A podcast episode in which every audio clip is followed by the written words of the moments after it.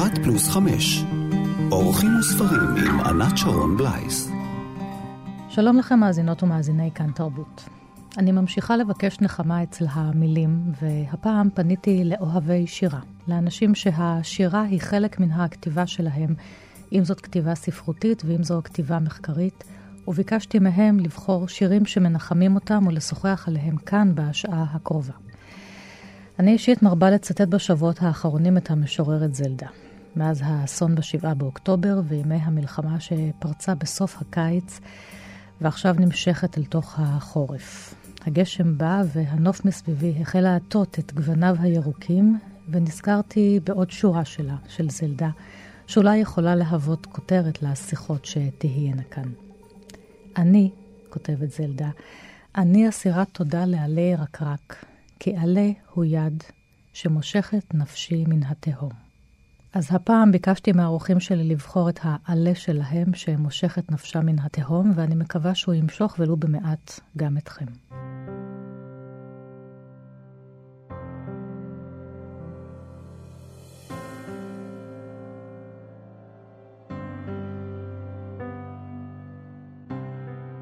שלום לאומנית הווידאו ארט וחוקרת הספרות, דוקטור לילי רתוק. שלום, ענת. דיברתי איתך על שירת נחמה.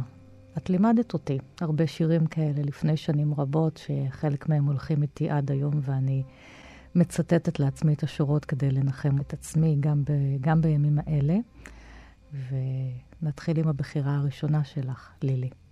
בחרתי משורר שהוא אחד היחידים בשירה העברית שכותב המון שירים על שמחה, והמון שירים על תקווה. את פתאום קם אדם בבוקר, הוא מרגיש כי הוא עם, הוא מתחיל ללכת, ולכל הנפגש בדרכו קוראו שלום. כולם מכירים כי הוא מולחן, אבל זה שיר מוקדם יחסית.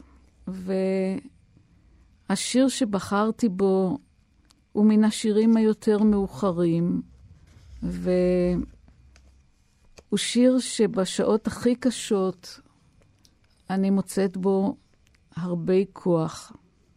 נאמר את שמו של המשורר, כי נראה לי שלא אמרנו. אמיר גלבוע, בשביל הזה ודאי לי, שוב לא אעבור. בשביל הזה ודאי לי שוב לא אעבור. עתה, אלחץ כף ידי אל קליפת העץ. אפשר עוד לפני שירד הגשם, יעבור כאן מי אחר, וילחץ גם הוא כף ידו אל קליפת העץ, ובלי דעת יוסיף מגע אוויר על גבי מגע אוויר. ואחר יבוא הגשם, וכל המגעים עמו יגלשו מטה אל אדמת גזע העץ, ויספגו באדמת גזע העץ, ויבואו בשורשים, ויעלו בגזע ובענפים, וימלאו את העלים ירקות חדשה. היכן אהיה אני, כאשר נשימת ידיים ירוקה וקצרה שלי ושל הבא אחריי השתלבו במשך הנושם של ירוק העד. אני מקשיבה לך ואני ממש חושבת שאני זוכרת אותך באחד השיעורים באוניברסיטת תל אביב, קוראת את השיר הזה. מסתבר שהיו כבר ימים קשים לפני התקופה המאוד קשה הזאת, ותמיד הטבע היה מקור נחמה לאמיר גלבוע וגם לי, וגם האומנות. וכולנו יודעים שבשביל הזה לא נעבור שנית.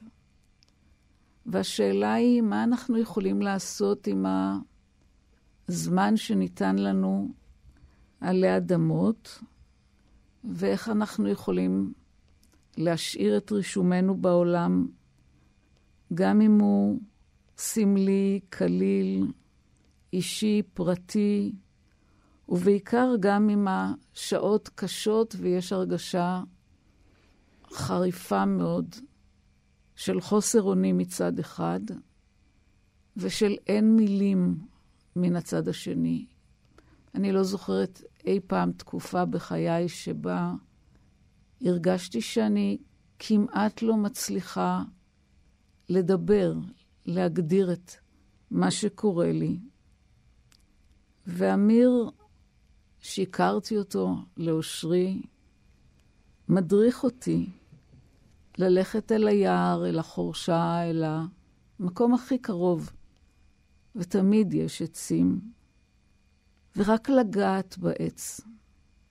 כמו שזך אומר, שימו לב לסגול הרועד, היטב גאו בעץ. זאת הנחמה הגדולה, הטבע קיים תמיד. ואפשר תמיד לתהות בשביל מה? מה יכול להיות? מה יצא מזה? מה המגע הזה ייתן לנו? והוא אומר, ברגע שאתם נוגעים בעץ, אתם מתחברים למשהו עמוק מאוד, מהותי, שהיה לפנינו ויהיה אחרינו, וגם לאנושיות שבנו. כי אפשר, עוד לפני שירד הגשם, יעבור כאן מי אחר, וילחץ גם הוא כף ידו אל קליפת העץ. ואז אפשר לשאול בציניות, מה מגע האוויר שלי ומגע האוויר שלו נותן לעולם הזה? והוא מסביר בצורה מאוד מעודנת ובצורה מאוד מרומזת. כל מה שעשינו בעולם הזה נצבר. הוא נצבר בלי שרואים זאת.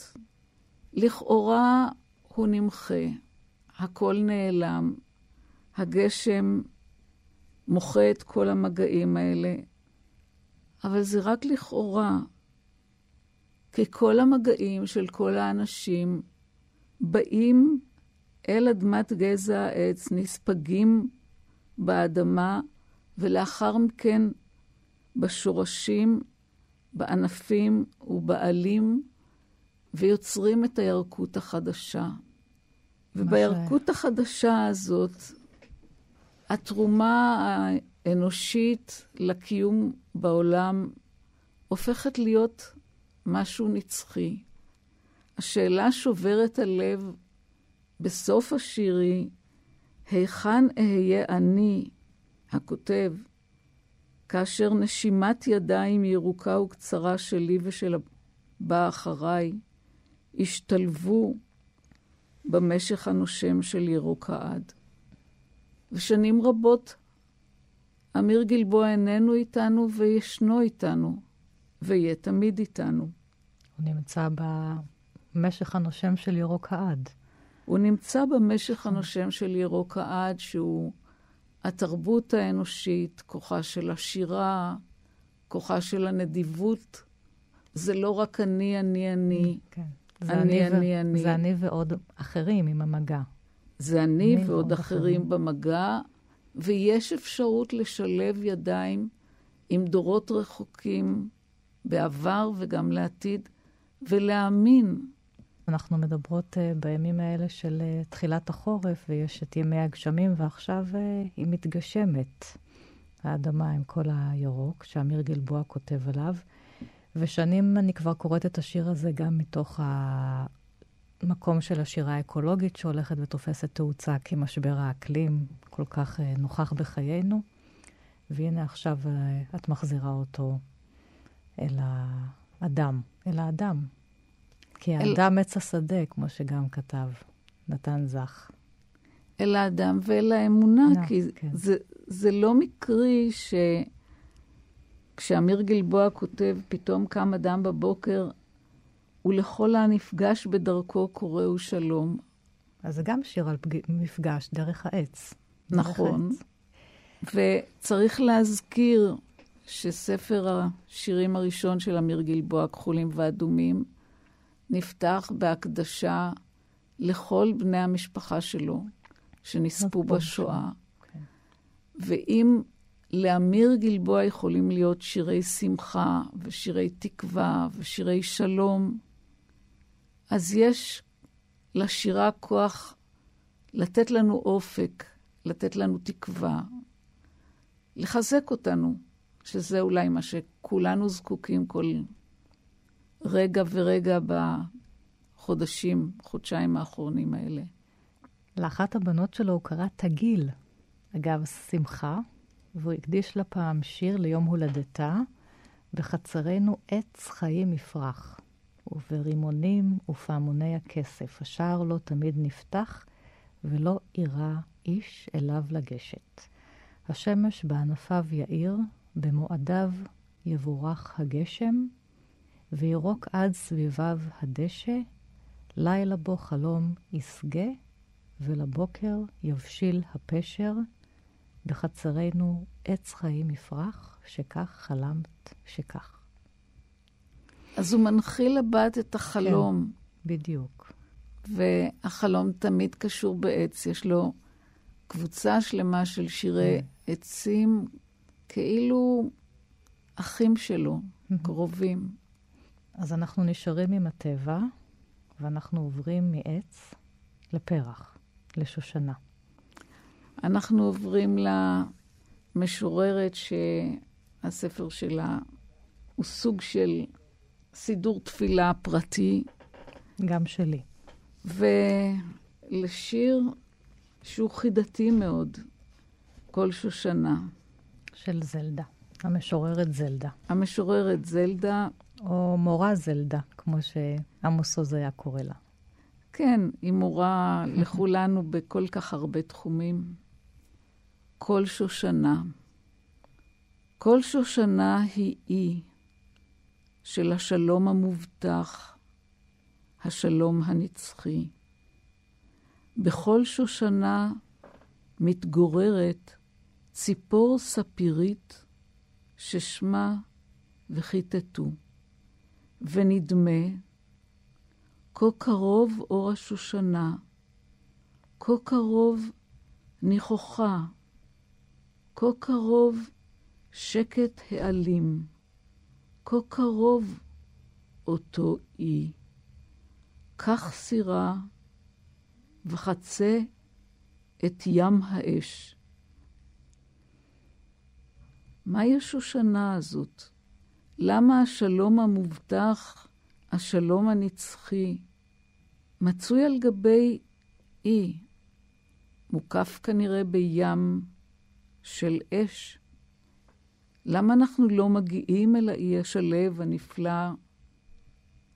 ואז אנחנו מחפשים בתיאור של השושנה את הפשר, את ההסבר לכמיהה הזאת שעכשיו עצומה יותר, חריפה יותר, כואבת יותר, הכמיהה לשלום.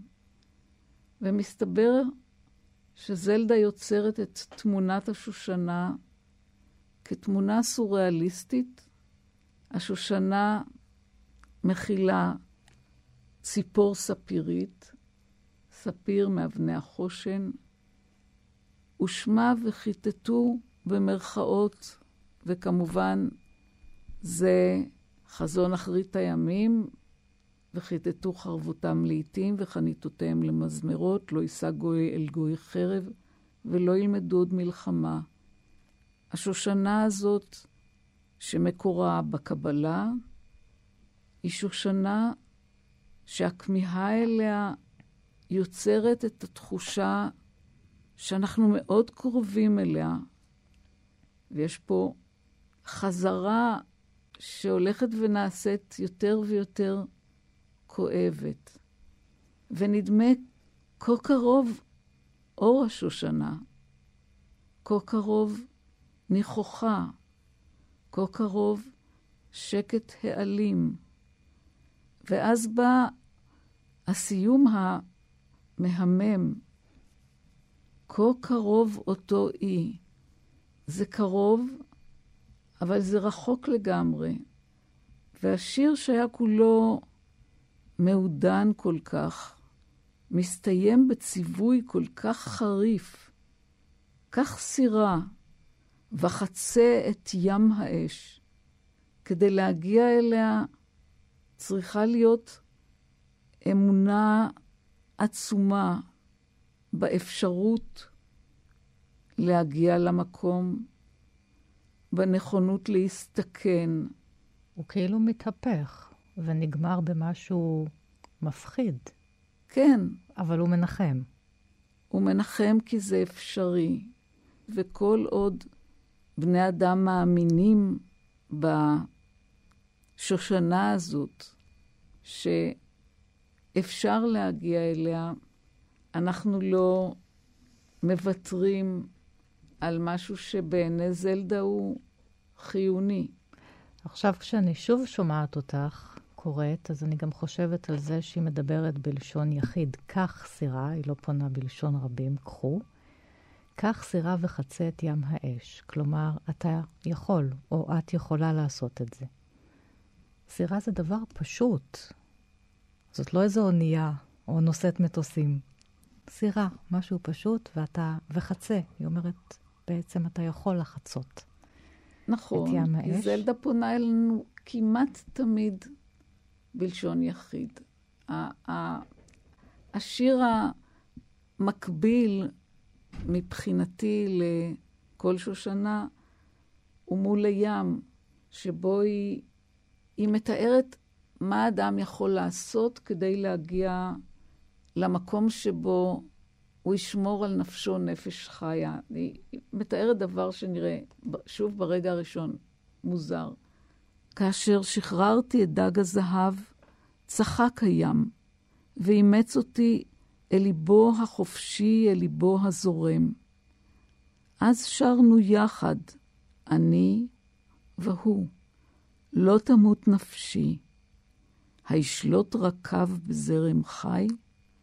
הוא שר כך על נפשו הסואנת, ואנוכי שרתי על נפשי הכואבת.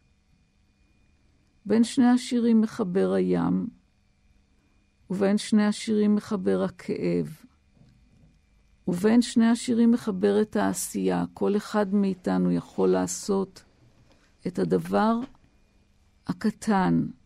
בשיר הזה זה לשחרר את דג הזהב, אפשר למצוא לזה כל מיני פירושים, אבל... לחצות הי... את ים האש, זה לשחרר את דג הזהב. כן, העיקר הוא, העיקר הוא ליצור קשר אינטימי עם כוח טבע אדיר, שפתאום מחבק אותך, ואז כשאת עושה את המעשה הטוב, את המעשה הנכון, ברגע שאת יודעת שעשית את המעשה הנכון, את חשה, לא תמות נפשי. וזה ההפך מתמות נפשי עם פלישתים כמובן, וזה לא מלחמה. זאת אמונה שכל עוד הנפש תהיה זרם חי, לא ישלוט בה הרקב. נוכל לקחת סירה ולחצות אל, את ים האש. שהוא את יודעת, היא חוזרת על שתי מילים, כה קרוב, כה קרוב, ופתאום זה גם הזכיר לי את הציור של מיקלנג'לו, בריאת האדם, כחלק מהקפלה הסיסטינית, שיש שם את הדמות של אלוהים מול הדמות של אדם, ואצבע אלוהים מושטת אל אצבע האדם, אבל יש סדק, יש רווח. הם, האצבעות לא נוגעות, הן רוצות לגעת והן לא נוגעות. וזה כה קרוב, וזה כה רחוק. זה הרווח הכי גדול בעולם, הרווח הקטן הזה. והשאלה מי צריך להתאמץ יותר, האדם או אלוהים, כדי לגעת. אבל בדיוק אותו הדבר קורה במול הים. היא והים יכולים כן. לרגע לשיר יחד, אבל היא אומרת, הוא שר כך על נפשו הסואנת, ואנוכי שרתי על נפשי הכואבת. אנחנו לא ים. אנחנו לא איתני טבע. יש לנו את מנת החיים הקטנה שקיבלנו כדי לנסות לרגע נפלא, מרומם, להתחבק עם הים, להרגיש שאנחנו חלק ממשהו גדול יותר. היכולת האנושית להכיר בנצח, בחוויה מיסטית לגעת בנצח, זה מה שניתן כן. לנו. והשלום הוא התקווה הגדולה של כל שושנה. ושלנו. ושלנו. תודה רבה לך, אומנית הוידאו ארט וחוקרת הספרות דוקטור לילי רתוק, ששיתפת אותי בשירי הנחמה שלך בימים אלה. תודה.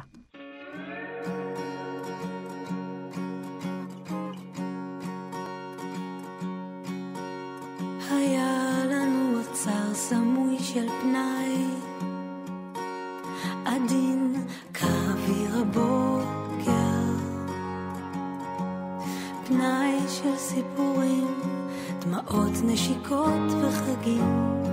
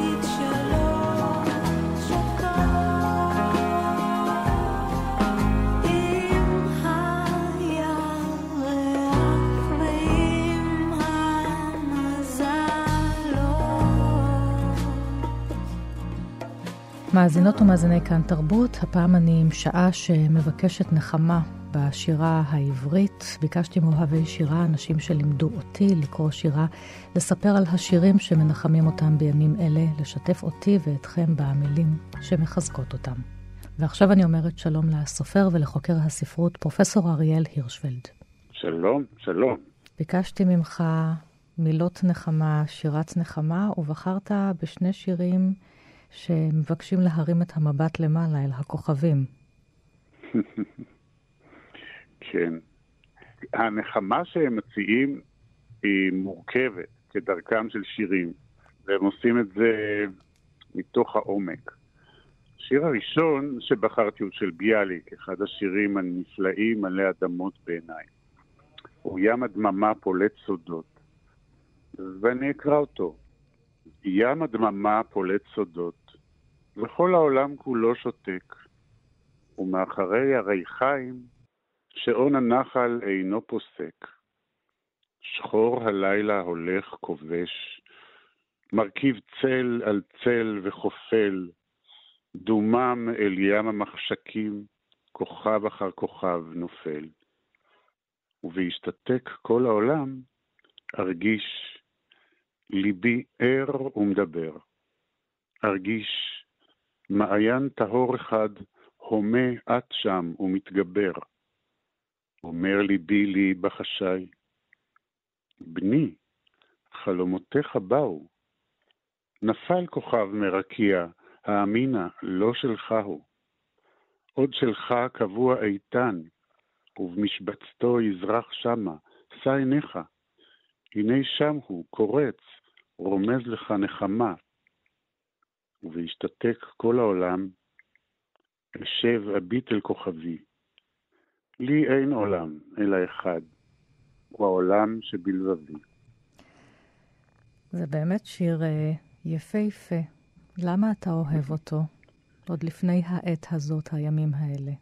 אמ, כי הוא מדבר על כך שהדבר שמזכיר לנו את חיינו ואת טעמם ואת עוצמתם, דווקא ברגעים שנדמה ששחור הלילה הולך כובש ומרכיב צל על צל וחופל, ונדמה שכל הכוכבים נופלים אחד-אחד אל תוך העלטה, הדבר הזה הוא דבר פנימי עמוק מאוד, הוא קורא לו לב, אבל ברור שזה לא לב של שירים רומנטיים, אלא ממש עצמיותנו העמוקה, שהיא קשורה במעיין החיים עצמו, ואולי באלוהות עצמה, כי הלב הזה גם מצביע כלפי העולם ומגלה לנו את הכוכב שלא נפל.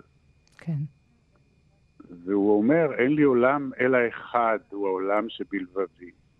ומי שיודע היטב עברית יודע שעולם זה גם נצח, זה גם אחד משמותיו של אלוהים. נכון. אבל המעניין הוא זה שהוא נמצא טבוע כאן בפנים, בתוכנו, בתוך עצמנו, והוא אומר לנו, בני, הוא מין אימא ואבא, שמחוברים לנו והולכים איתנו מאז ומתמיד בפנים.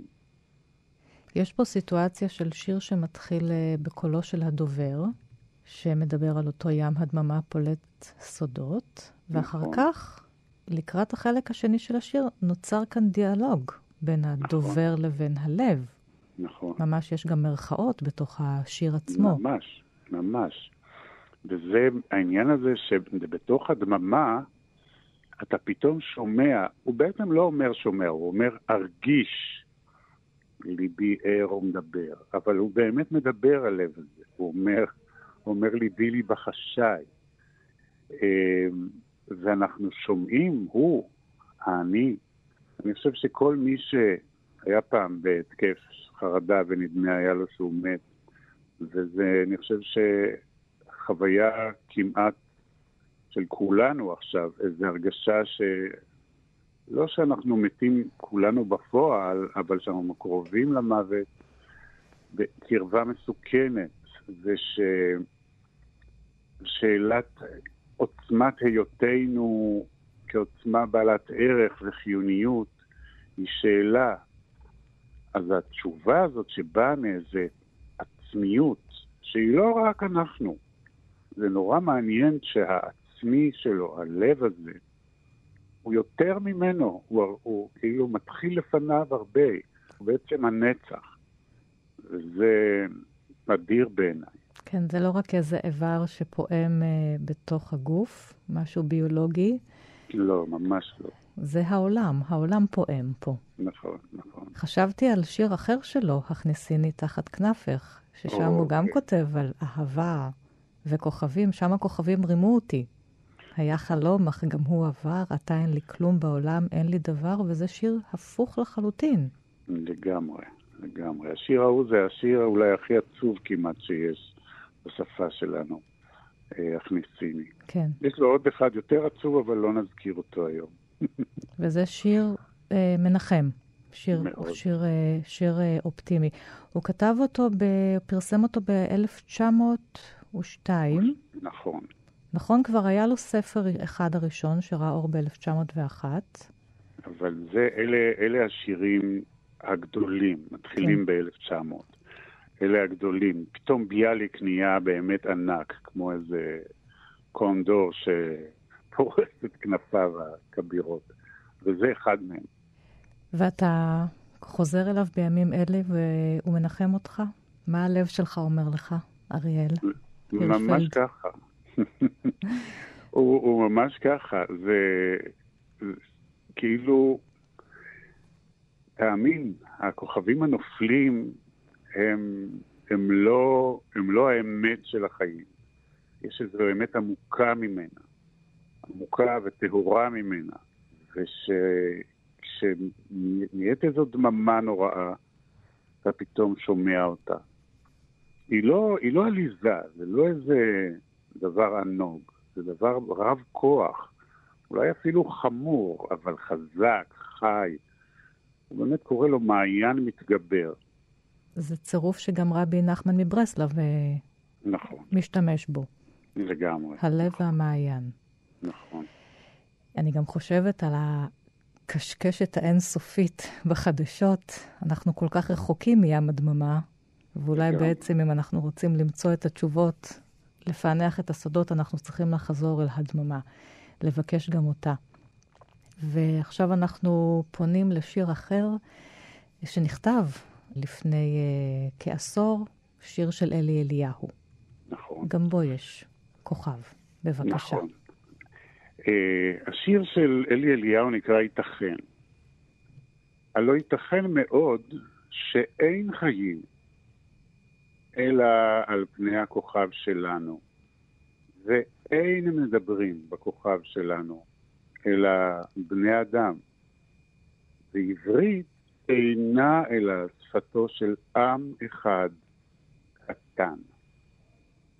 ואת המילה אהובתי רק אני לוחש עכשיו אל אוזן אחת בעולם.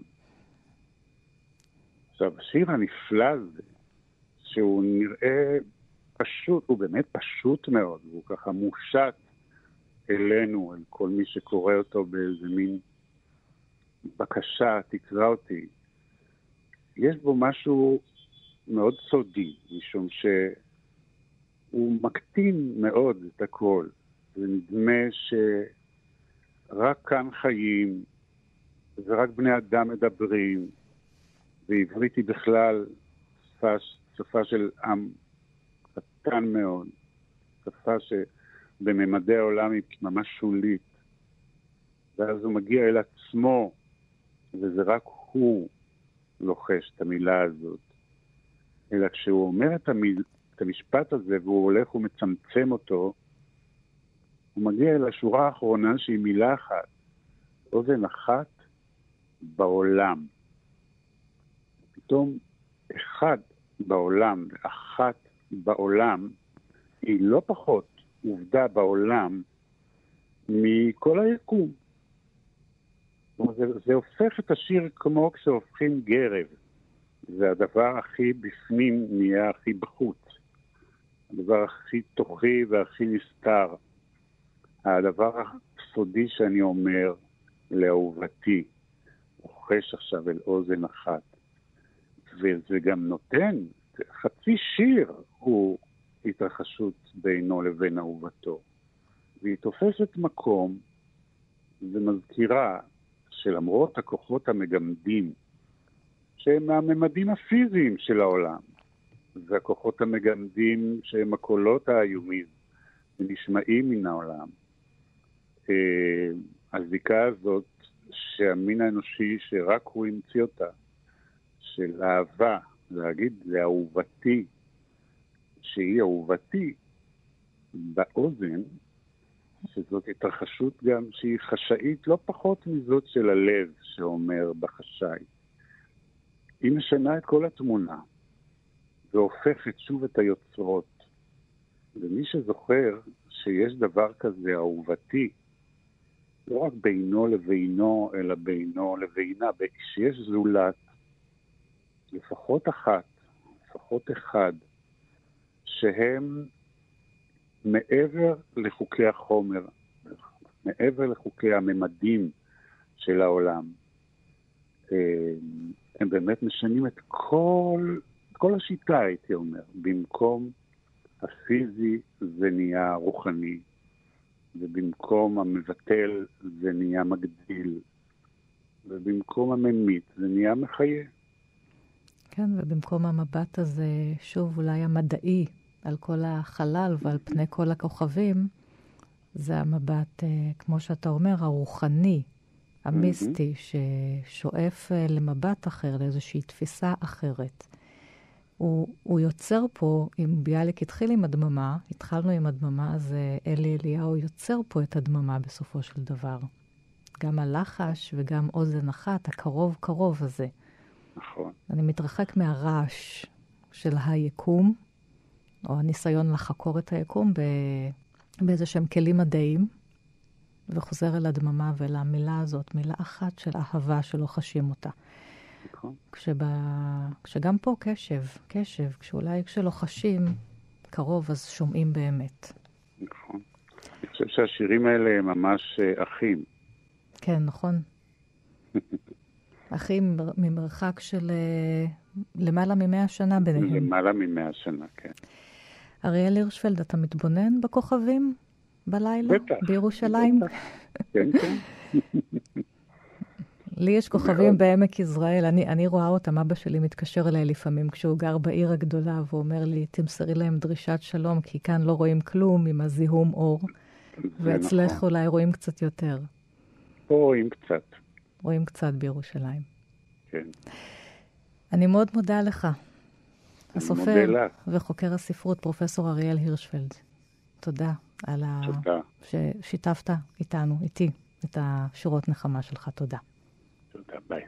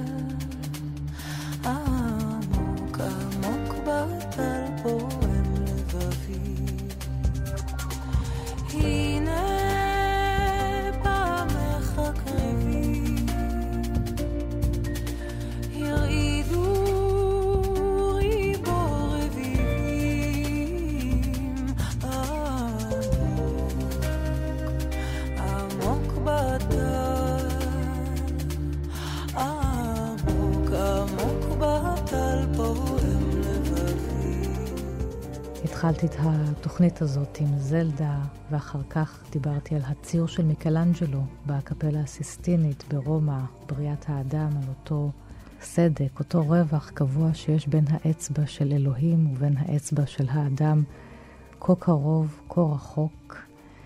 ועכשיו אני רוצה לסיים עם אה, משוררת ירושלמית אחרת, רבקה מרים, והשיר שלה, בראשית ברא.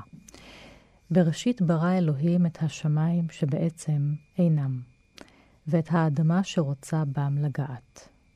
בראשית ברא אלוהים חוטים מתוחים ביניהם, בין השמיים שבעצם אינם, ובין האדמה המשוועת. ואת האדם הוא יצר, שהאיש הוא תפילה והוא חוט, נוגע במה שאיננו, במגע של רוך ודקות. תהנה מלא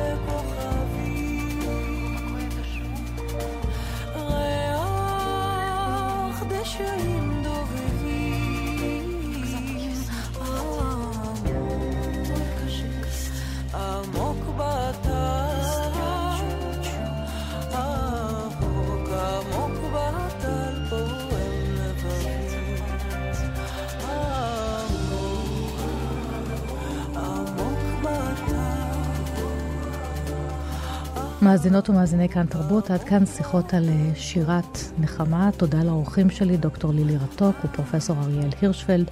תודה לאוסקר טרדלר על הביצוע הטכני. אני ענת שרון בלייס. כל תוכניות אחת פלוס חמש תמיד זמינות לכם בעמוד ההסכתים שלנו. תודה לכם גם ולהתראות.